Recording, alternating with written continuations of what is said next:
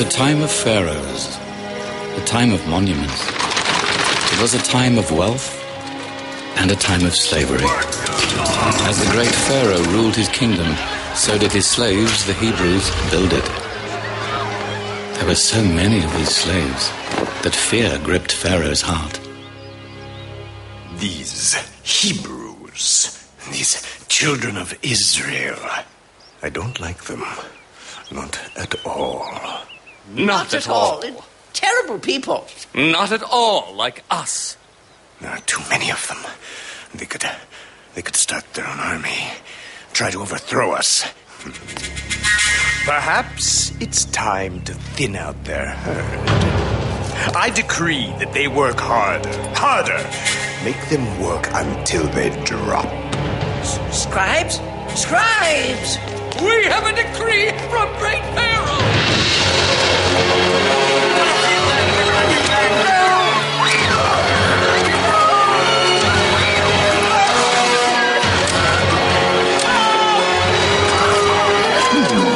But the slaves survived, and Pharaoh still feared them.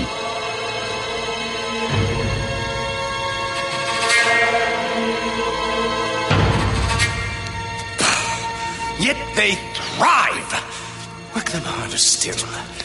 I will break their will, break their hearts. I will bring them down as Ra has told me.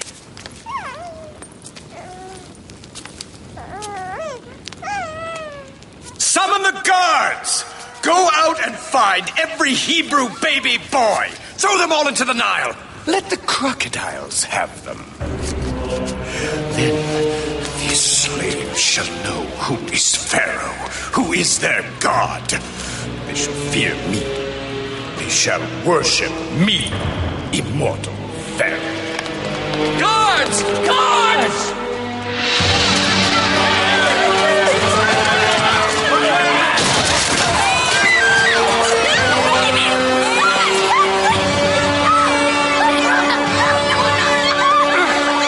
Not my orders. But now the Spirit of God moved in the land.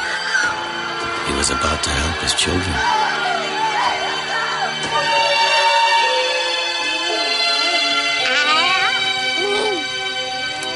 Jochebed, wife of Amram, gave birth to a boy. She was not going to let him die. My son will live. We've hidden him three months, dear. I don't know how much longer we can. We've made him a basket, haven't we, Miriam? A good basket, too. It'll float. I help. You did a fine job, too, Aaron. He'll be able to get away. Get away from Pharaoh. Open up! Miriam, Aaron, hide your little brother. Out back, now.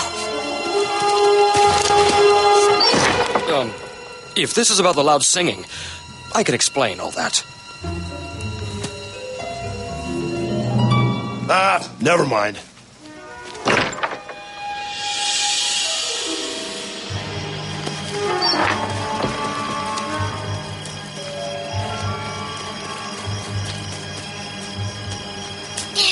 But I should be out there protecting him. Uh, tonight, that's not what God would want.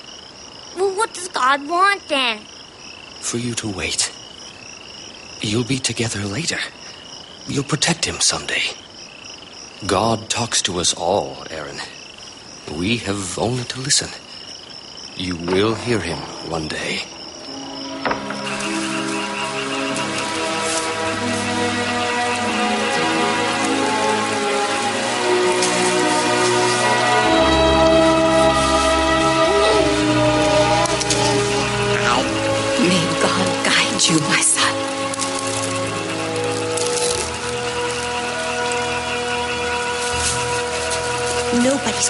My baby brother.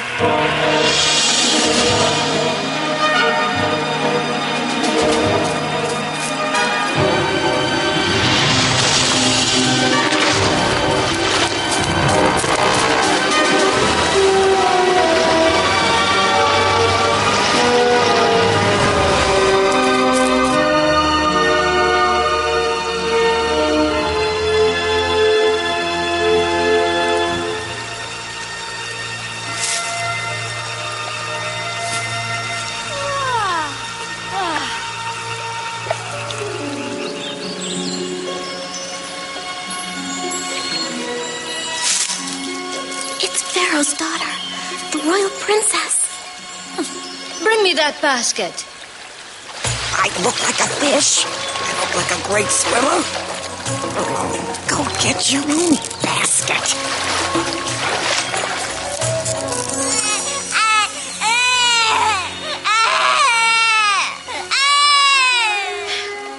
This is one of the Hebrews' children.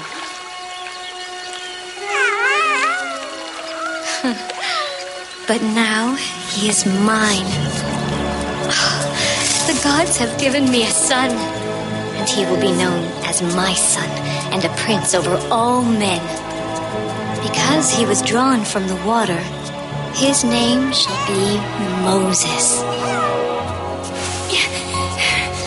Your Highness, Yes, child, you may approach me.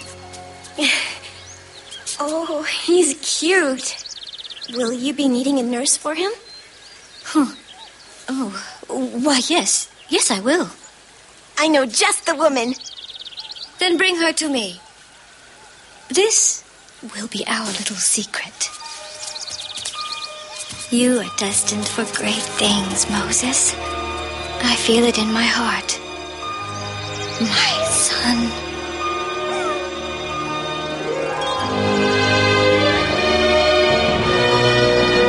Amen. Dit was die skriflesing van môre. Ek hoop jy het opgelet.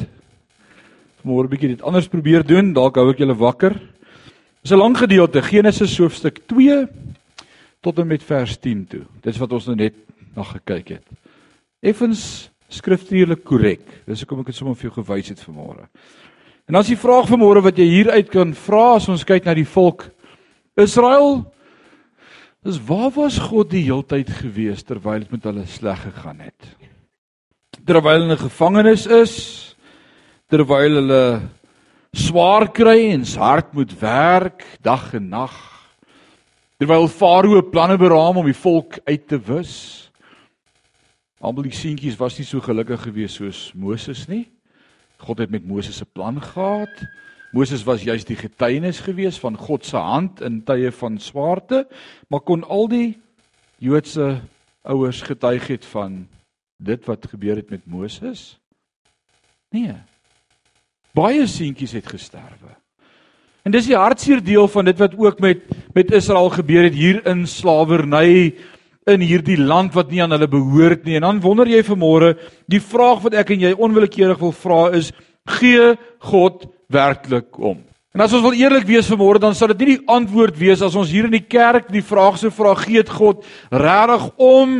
Dan sou die eenparige antwoord hier op 'n sonoggend of aand gewees het: ja, God gee om. Halleluja.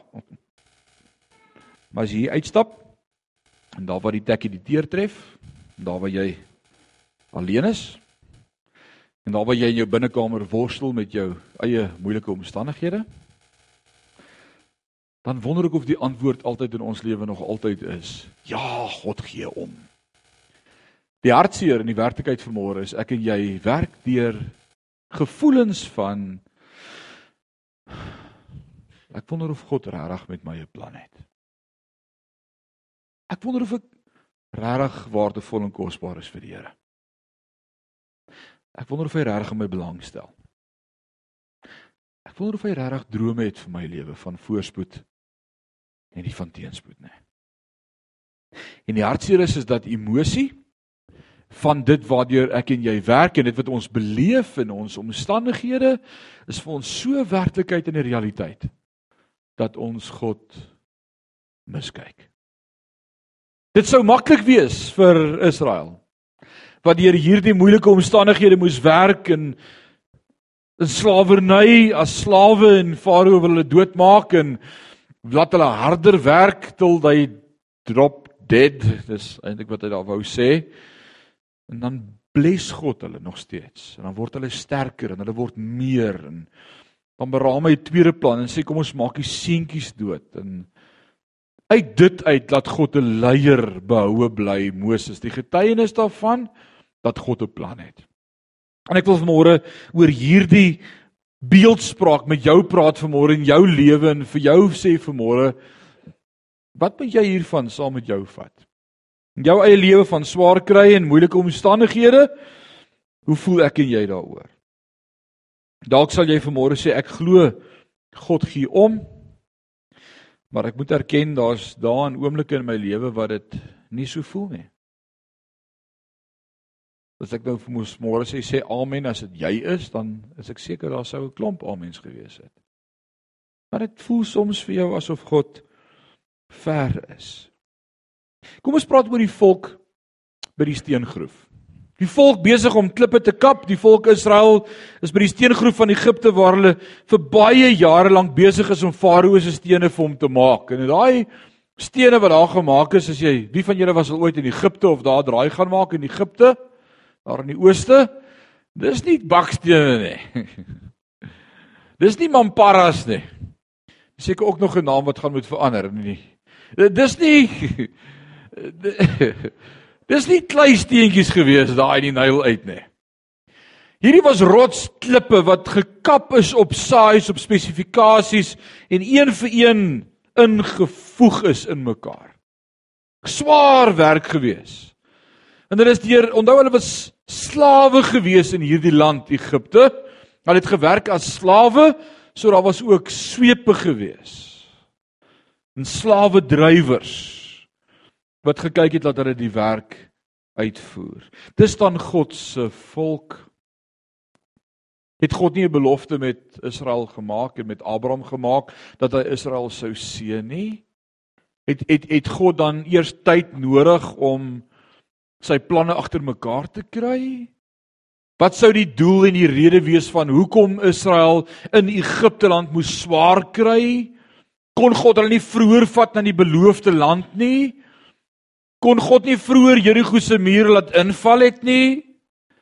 Kon God nie vinniger gemaak het met sy groot plan nie? Wat was die plan daar by die steengroef?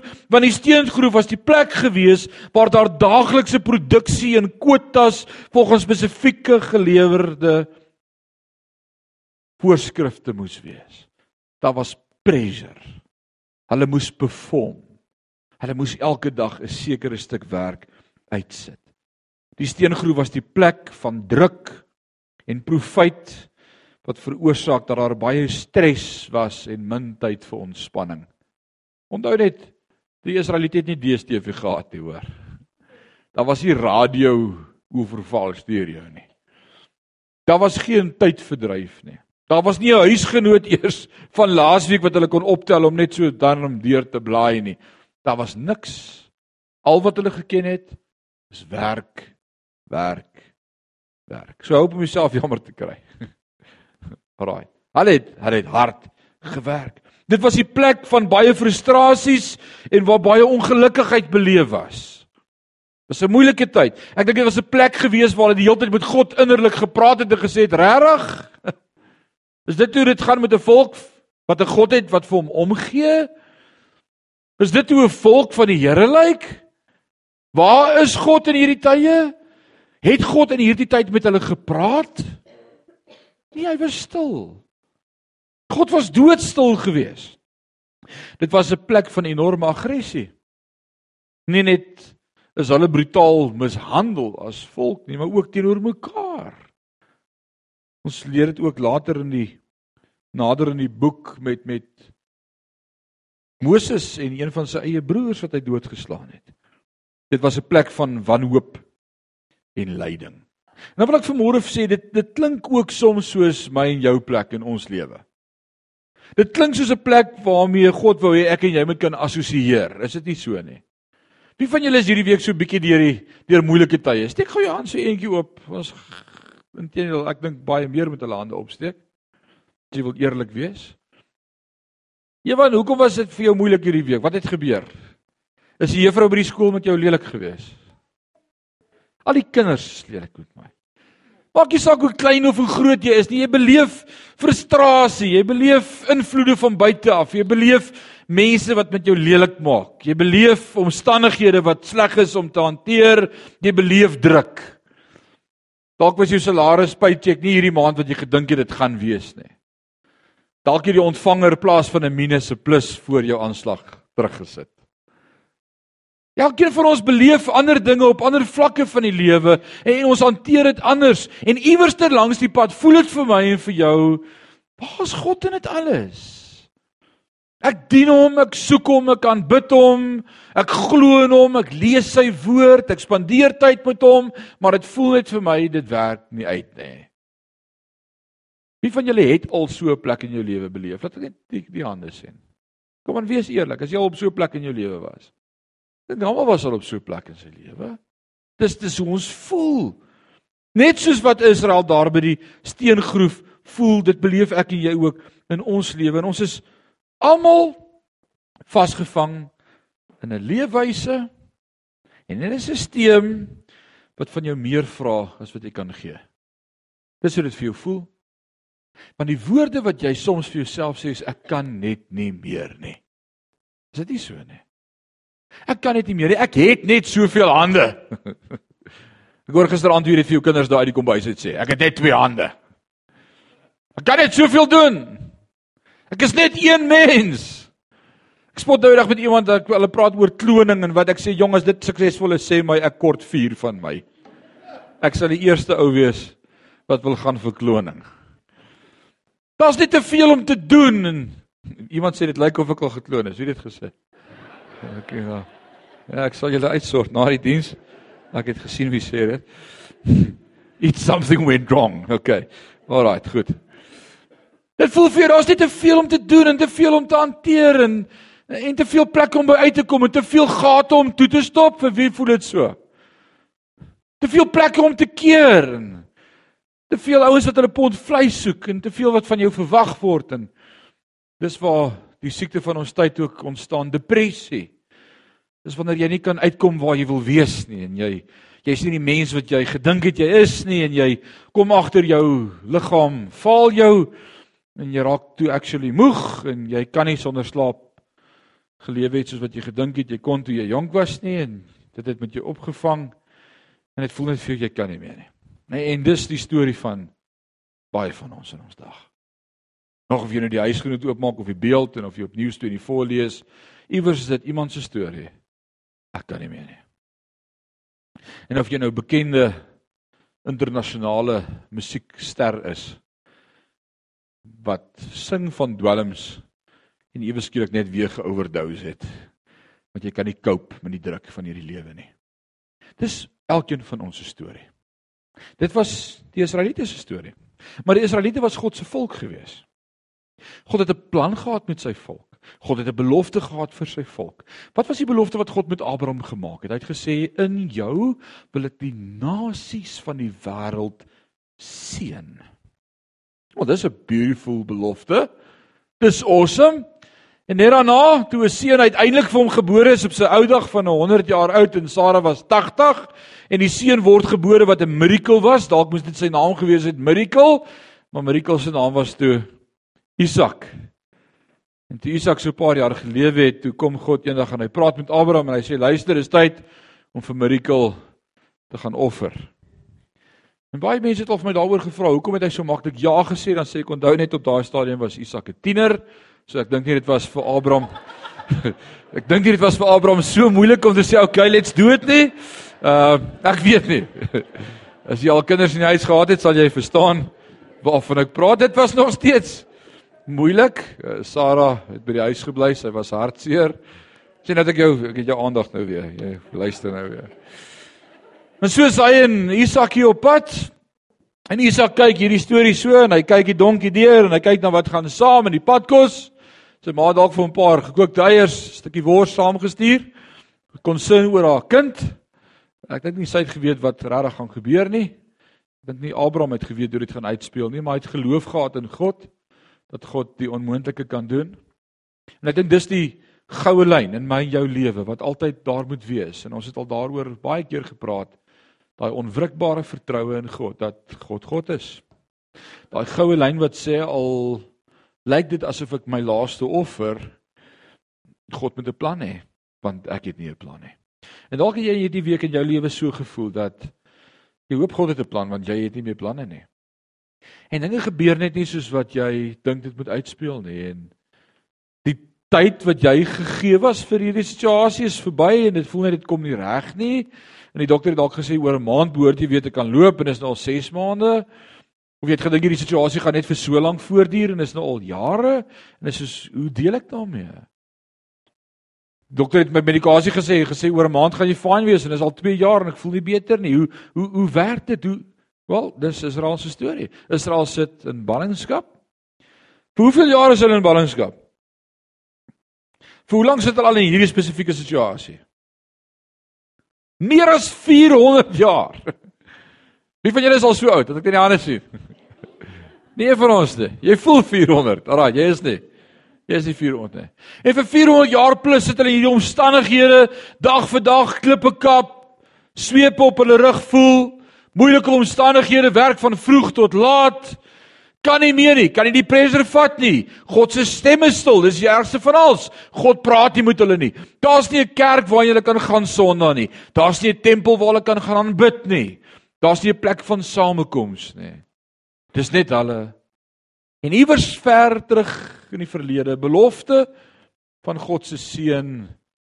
En elke storie wat hulle vir mekaar kon oorvertel om te sê, maar onthou die storie van Isak. En Abraham wat vir Isak moes offer.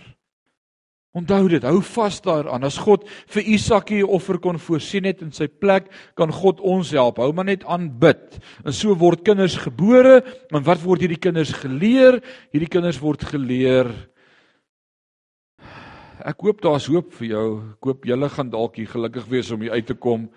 Ons is nou al vir 400 jaar in hierdie omstandighede, maar maar iewers 400 jaar terug was daar 'n storie gewees van God wat 'n plan het. En dit lyk asof sy plan vir my lewe verander het. En dalk was dit waardeur hulle moes werk. Dit lyk asof God se plan vir hulle verander het. By geleentheid sal vra meer indringend word soos is daar regtig 'n God? En dis die goed wat ek beleef in my beradingskliniek as mense met my kom praat en en en en, en daardeur wat hulle moes werk in hulle lewe. Is dis die vraag, die bottom line is is daar actually regtig 'n God wat omgee? Wat tog van wat wat my belangstel, is is daar ooit 'n God? My voorreg om hierdie mense in hierdie week met mense uit ons gemeenskap te praat wat deur moeilike dinge moes werk in hulle eie lewe en hy kyk my in my oë en sê vir my, jy werk hier goed. Soos vra is God ooit regtig daar? En ek dink dis dis die realiteit van hierdie lewe. Want soms voel ons van God ver af. Die awesome boodskap wat ek vanmôre met jou wil deel, is om vir jou te kom wys dat selfs in hierdie plek waar hulle die verse van God af gevoel het, was hy naaste aan hulle gewees. O, oh, hy het vir hulle plan gehad. Hy hy het vir hulle regtig 'n plan gehad van voorspoed en nie van teëspoed nie. But they had to go through it. Hoekom het God toegelaat dat hulle in Egipte in hierdie moeilike omstandighede sit. Waar is God in die prentjie gewees? Kom ons help jou daarmee vanmôre. Die groot boodskap van Eksodus is dat God vir 400 jaar die volk wat nie met hom gepraat het vir 400 jaar nie, wat hom nie gesien het vir 400 jaar nie, maar dat God die heeltyd daar was omdat hy besig was om sy plan vir hulle uit te voer. Wat was God se plan vir hulle? God het gesê vir Abraham, ek gee jou belofte, ek sal jou volk en jou nageslag maak soveel soos die sterre in die see en nie sand sterre in die see. Wat is ook die sterre in die see? Die sterre in die hemelruim en die see sand. So sal ek hierdie volk bless en hulle sal meer word. En waar 'n beter plek om hulle te laat meer word as in die huis van die vyand. Sien wat gebeur agter die skerms? God wil nie hulle met vir hulle self sorg en hulle eie kos op eet nie. Hy sê gaan eet Egipte se kos op. Eet hulle kos op. Word meer geseënd is julle, vermenigvuldig. Tot Farao sien dit daderand raak en sê heerlikheid, maar hulle word nou meer as ons. As hierdie ouens gaan begin opstaan met 'n magtige weermag, is ons in die minderheid. Ons maak hulle seentjies dood. En dan sê God selfs daaruit, kom ek vat een van hierdie seentjies wat jy wil doodmaak en ek stel hom aan as leier van my volk. Net om vir jou te wys, as ek 'n plan het, stop nie 'n farao dit nie. Jy sien en dalk sit ek en jy vandag in daardie omstandighede, daardie gevoel en daardie emosie van ek kan nie sien waar is God met my op pad nie. Ek kan nie verstaan nie. Ek dink ek gaan dit 'n jaar of 2 hier wees en dan gaan ek aanbeweeg en dis nou al 10 jaar of 15 jaar. Wie van julle se lewens het uitgespeel soos wat julle gedink het dit gaan? Net daai hande bietjie gou-gou sien.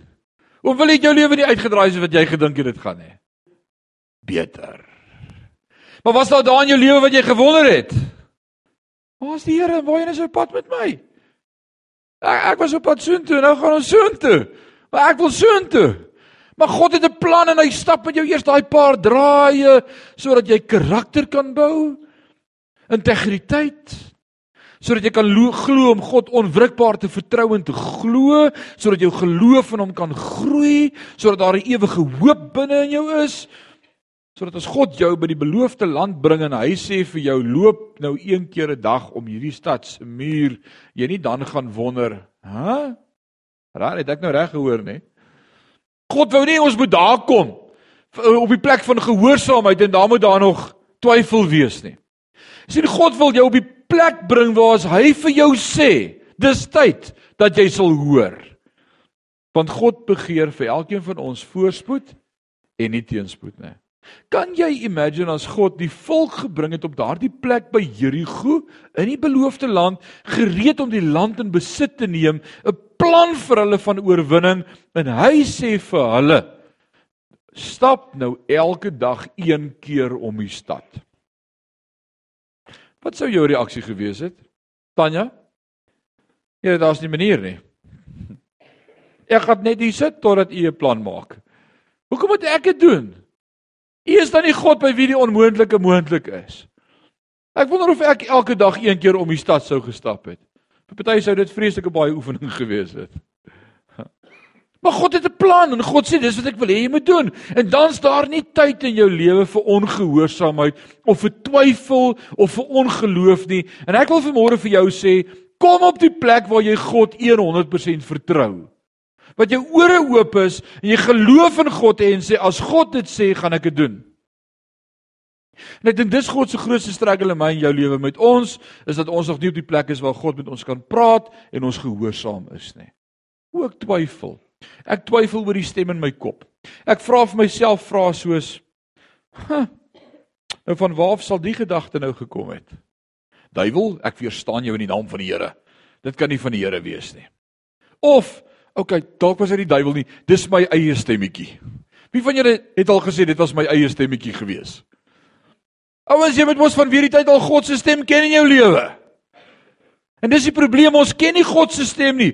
Vir 400 jaar hoor Israel nie God se stem nie. Niks is doodstil. En dan kom Moses. En Moses word deur God geroep en daar by die braambos by die besembos toe God met Moses praat. Toe vra Moses die vraag: Wie sal ek vir die volk sê? Wie het my gestuur? Want vir 400 jaar het ons nie met 'n God gepraat nie. En ek wil weet of dit die God is wat vir Abraham gesê het om vir Isak te gaan offer. Wie is u? En dan antwoord God en hy sê vir hom: Ek is. En sê jy vir die volk ek is, het jou gestuur. En ek wil vanmôre vir jou kom sê in jou lewe, God is. Hy is in beheer. Hy het 'n plan. Hy het die laaste sê. Wat is die probleem in my en jou lewe? Ons volg ons eie kop. Ons stap ons eie paadjie, ons doen ons eie dinge. Ons is besig met ons eie planne en agenda en dan iewers tertussen en dan vra ons nog, "O, oh, ek wonder waar's die Here of hy regtig oor my omgee?" Is dit nie wat ons as mens doen nie? Ons is so besig met ons eie storie. Soek God nie, soek nie sy woord nie, soek nie sy stem nie en dan ewe skielik as dit begin moeilik gaan, ou ma, dan moet almal bid. Interessant hoe God se stem tog maar in jou hart jou oortuig dat daar 'n God is. Tot die ou wat nie glo nie, as hy in moeilike omstandighede kom vra vir jou, ag bid net vir my asseblief. Ek glo nie, maar jy kan bid. Jy glo mos. God is daar en hy wil antwoord. Kom ons trek die gordyn so bietjie oper op die toneelstuk wat afspeel. Farao, die magtige wêreldheerser van sy dag het planne sy planne lyske breek. Dit werk nie so wat hy gedink het nie. En daar dit dat die Here sosiale 'n onmagtige vroue van destydse samelewing gebruik twee vroutjies as jy daardie gedeelte gaan lees in Eksodus 2 dan sê hy twee Hebreëse vroedvroue hy het vir hulle eers die opdrag gegee en gesê as daai kind gebore word maak dood en toe kom hy by hulle en sê maar hoorie ek sien Israel word nog steeds meer en meer hoekom maak julle nie dood nie en hulle sê vir hom heerlikheid hierdie Israeliese vroue is verskriklik taaf teen die tyd wat ons daar kom is daai kind al gebore Gaan lees weer Eksodus 2. Hulle sê hierdie vrou is taaf. Hulle het nie vroedvroue nodig om hulle te help om geboorte te gee nie. As ons al kom as die kinders gebore. En toe vaardig hy hierdie bevel en hy sê nou maar mat al die seentjies dood en God beskik vir Moses sê. In Farao se huis het die Here nie 'n sin vir hom nie. Regtig, hy wil van die goed ontslaa raak. God sit hulle binne in sy huis. Sy eie vrou wil die kind grootmaak. En dan vra die sussie van Moses vir haar, kort jy nie dalk iemand om na hom te kyk nie, 'n dagmoeder nie? En wie word toe Moses se dagmoeder? Sy eie ma. O oh man, as God nie 'n plan het, jy weet ek nie. Jy sien dinge werk nooit uit soos wat jy dink nie. Dink jy dis wat Moses se ma en pa gedink het met hom gaan gebeur toe hulle hom daar in die bissies gesit het en laat gaan het? Maar hy was gehoorsaam aan God. En ek wil vir jou sê op die lewe moenie begin sin maak van die lewe of probeer verstaan waartoe jy moet gaan nie. Wees net gehoorsaam. Wees net gehoorsaam. God beheer die geskiedenis. Dit alles sê God beheer die geskiedenis sonder dat die mense dit agterkom. Vir 400 jaar is die mens clueless, maar God is besig om sy volk te laat groei, om sy volk te laat bou, om hulle meer te laat word ongelooflike storie wat besig is om te gebeur. Hoe wonderlik en stylvol doen God dit nie. En ek het 3 toevallige goed hier neergeskryf. Toevallig red 'n Egiptiese prinses die seentjie uit die Nyl. Dit was nou toevallig. Wat dink jy, Iggy? Was dit toevallig? toevallig gee sy hom terug aan sy eie ma. Wat sê jy daarvan? Was dit toeval? Toevallig word sy ma deur Farao betaal om die kind groot te maak. O oh man, is dit nie awesome God nie? En dis hoe God werk en dalk my in jou lewe dink ons baie keer goed gebeur toevallig. Toevallig hoor ek van die buurman wat dit wil verkoop en dis presies wat ek nodig het. Dit was so wonderlik geweest toevallig. Toevallig? Yeah. Iemand het eendag so mooi gesê hy sê toeval God se lig en ek verstaan. Ha, oh, God het 'n setup. Sê gou vir die ou langs jou, God is besig om jou te setup. Kom aan, sê gou vir hom. He's busy setting you up for a setup. God het 'n plan met jou. Hy's besig om jou te posisioneer en in plek te kry. Al daai swaar en seer waartoe jy moes gaan in jou lewe, het God 'n plan met jou mee sodat hy die eer kan kry want hy alleen is God. En God deel sy eer met niemand nie. Dit wil ek vanmôre vir jou sê. En as jy die blessing van God beleef, as jy God se seën beleef in jou lewe, moet niemand kan sê dis omdat jy so goed of so oulik is nie. It's not because of who I am, but because of who he is. Not because of what I've done, but because of what he's done. Dis God, dis hoe hy werk. Die laaste vraag van môre wat ek vir jou wil vra, as God in beheer is van geskiedenis is, en 'n goeie plan het, hoekom moes die volk eers vir 430 jaar op 'n pynlike ompad vol lyding en trane gestap het? Kon God dit nie gekeer het nie?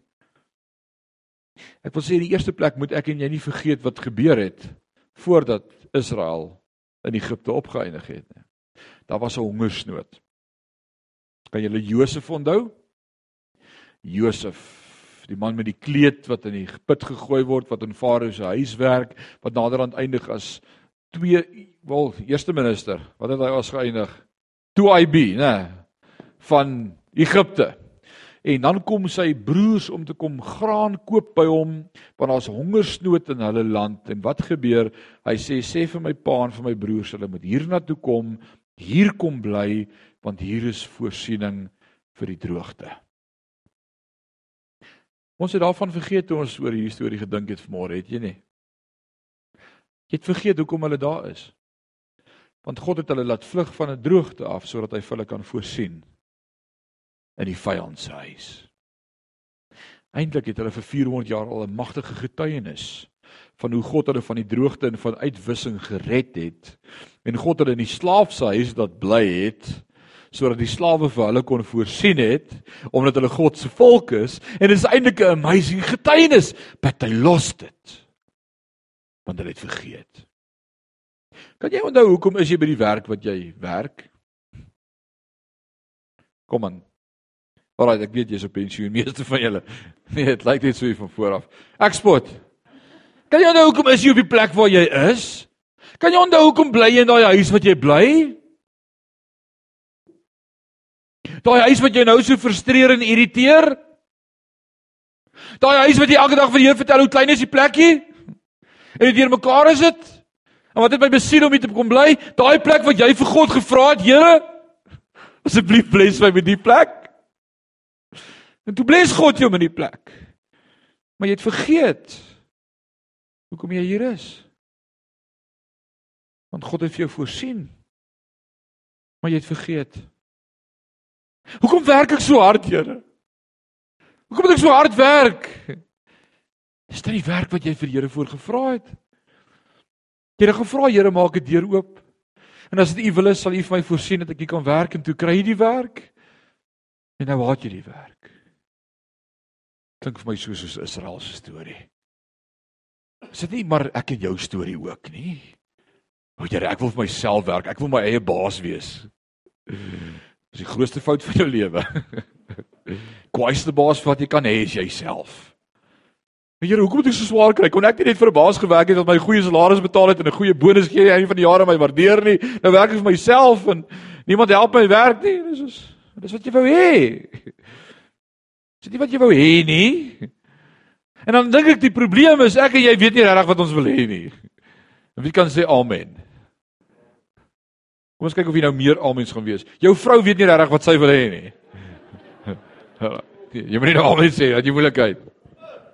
Alraai. Kom straal. Jou man weet nie wat hy wil hê nie. Daar's amens. Dis boldness, hoor, om nou te sê amen. Nee, dis onverskrokke. Fenomenaal. Maar dis Israel se probleem.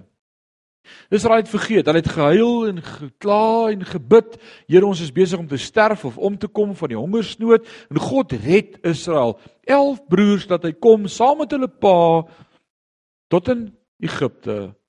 En God voorsien vir hulle. Maar iewers langs die pad het hulle vergeet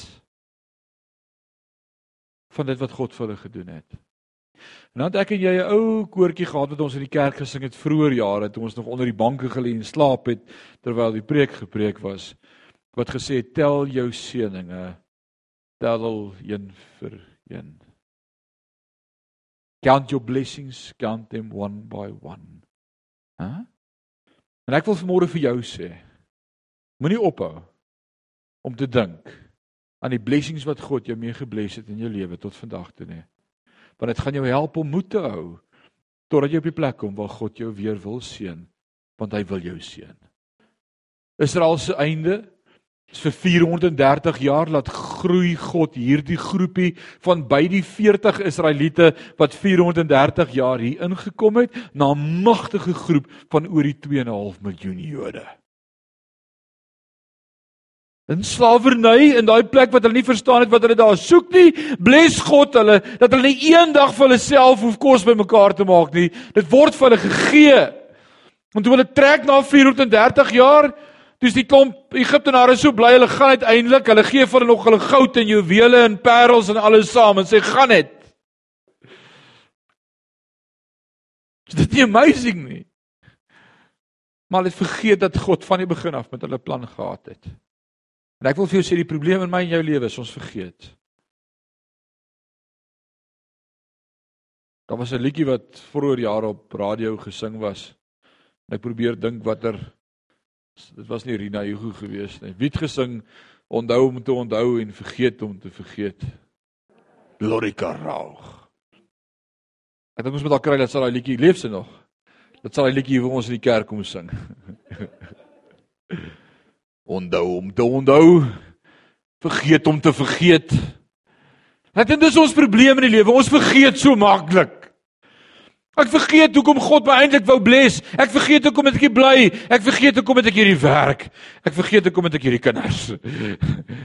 Jy het vir die Here gevra vir hulle. En God het jou gebless met hulle. God het 'n plan met jou lewe. God het gedagtes van voorspoed en nie van teenspoed nie. God wil jou bless en hy wil jou bederf. En dalk het jy iewers langs die pad gevra, Here, help my om op die plek te kom waar U my wil hê. En nou help die Here jou om op daai plek te kom en nou sê jy, ag Here, ek wil nie op hierdie plek wees nie, dit is baie sleg. Ag Here, U weet U is vir my belangrik en U is alles in my lewe. Help my dat dit die waarheid sal wees dat U alles vir my sal wees. En dan verloor jy 'n paar ou goedjies in die proses en dan huil ons oor die goed wat ons verloor. Dan dink ek, "O oh, Here, dis nie lekker nie. Wat gaan nou aan?" Baas U, U vergeet van ons. Ek wil vir jou sê, God is besig om vir jou magtige getuienis te bewerk in jou omstandighede. God is nie klaar met jou nie. Sê gou vir die langs jou, God is nie klaar met jou nie. Kom aan, jy moet hom glo. Hoe kon jy sê vir die tannie, God is nie klaar met jou nie? God is nie klaar met jou nie. God is besig met jou. Hy gaan jou nie halfpad los nie. God het homself bewys as die God wat elke keer antwoord. En vanmôre wil ek vir Sion gemeente sê, Sion, God is nie klaar met jou nie. God het 'n plan vir jou. O oh man, wie kon hulle opinie lewer soos wat hulle wil? God het die laaste sê. Julius Malema kan sê net wat hy wil. My God het die laaste sê. Dit my God het die laaste sê. En laat die wind aan jou deur kom ruk. Wat my altyd dink aan daai storie, die gelykenis van die drie varkies. Ek het dit nou amper gesê, hoor. En hy af en hy puff. En ek wil sê die duiwel kan maar blaas en hy kan spoeg en hy kan probeer wat hy wil. Maar my God het 'n plan. Hy het hom klaar. As jy vanmôre glo God het 'n plan vir jou lewe saam met my, staan op jou voete en ek wil vir ons bid vanmôre.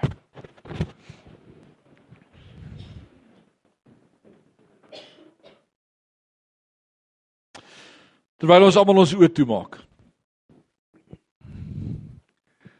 Jy net daar staan 'n oomblik voor God, net deursigtig. Vanmôre sê Here, ja, ek het my Ek het my ore uitgeleen vir negativiteit en ek het vergeet hoe ons gekom het waar ons gekom het.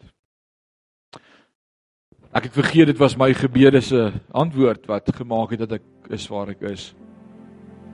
En ek wil vanmôre sommer net weer vir u sê, ekskuus. Ekskuus dat ek vergeet. Ekskuus dat ek so vinnig twyfel. Ek wil môre op net kom en sê Vader ek weet U is nie klaar met my nie. En wat ook al U plan is vir my lewe. Ek wil môre my wil kom submit aan U wil. En ek wil môre kom bely, dis oukei. Okay.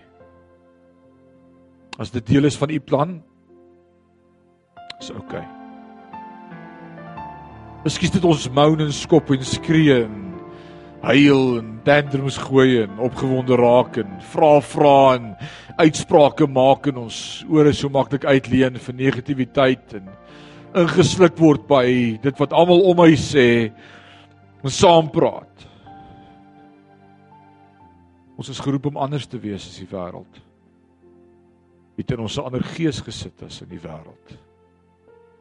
Ons het 'n ewige hoop wat die wêreld nie het nie. Jesus Christus die leidsman en die volleinder van my geloof. Ek wil vanmôre net kom sê sorry. Sorry ons moan so maklik.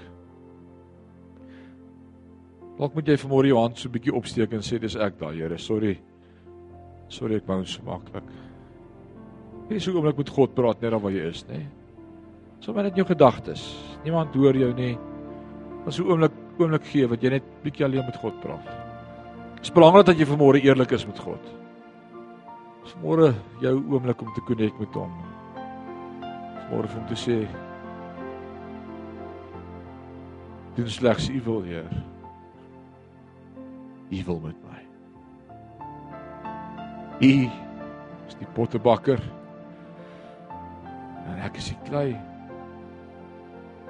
Vorm my en maak my net soos U wil. Op U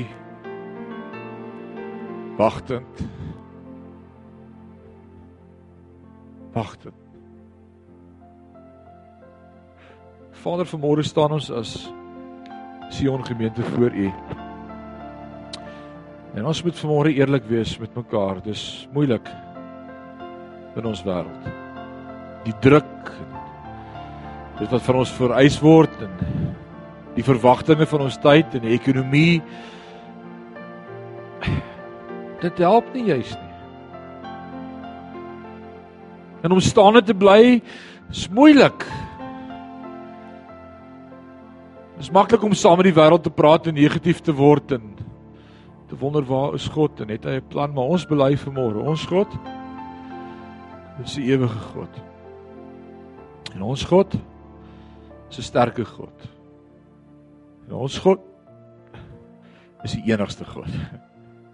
En ons God hy maak riviere in woestyne. En in my paaie wat daar nie paaie is nie. En hy omskep 'n woestyn en maak dit 'n blommetuin. En hy spreek een woord en ons lewe.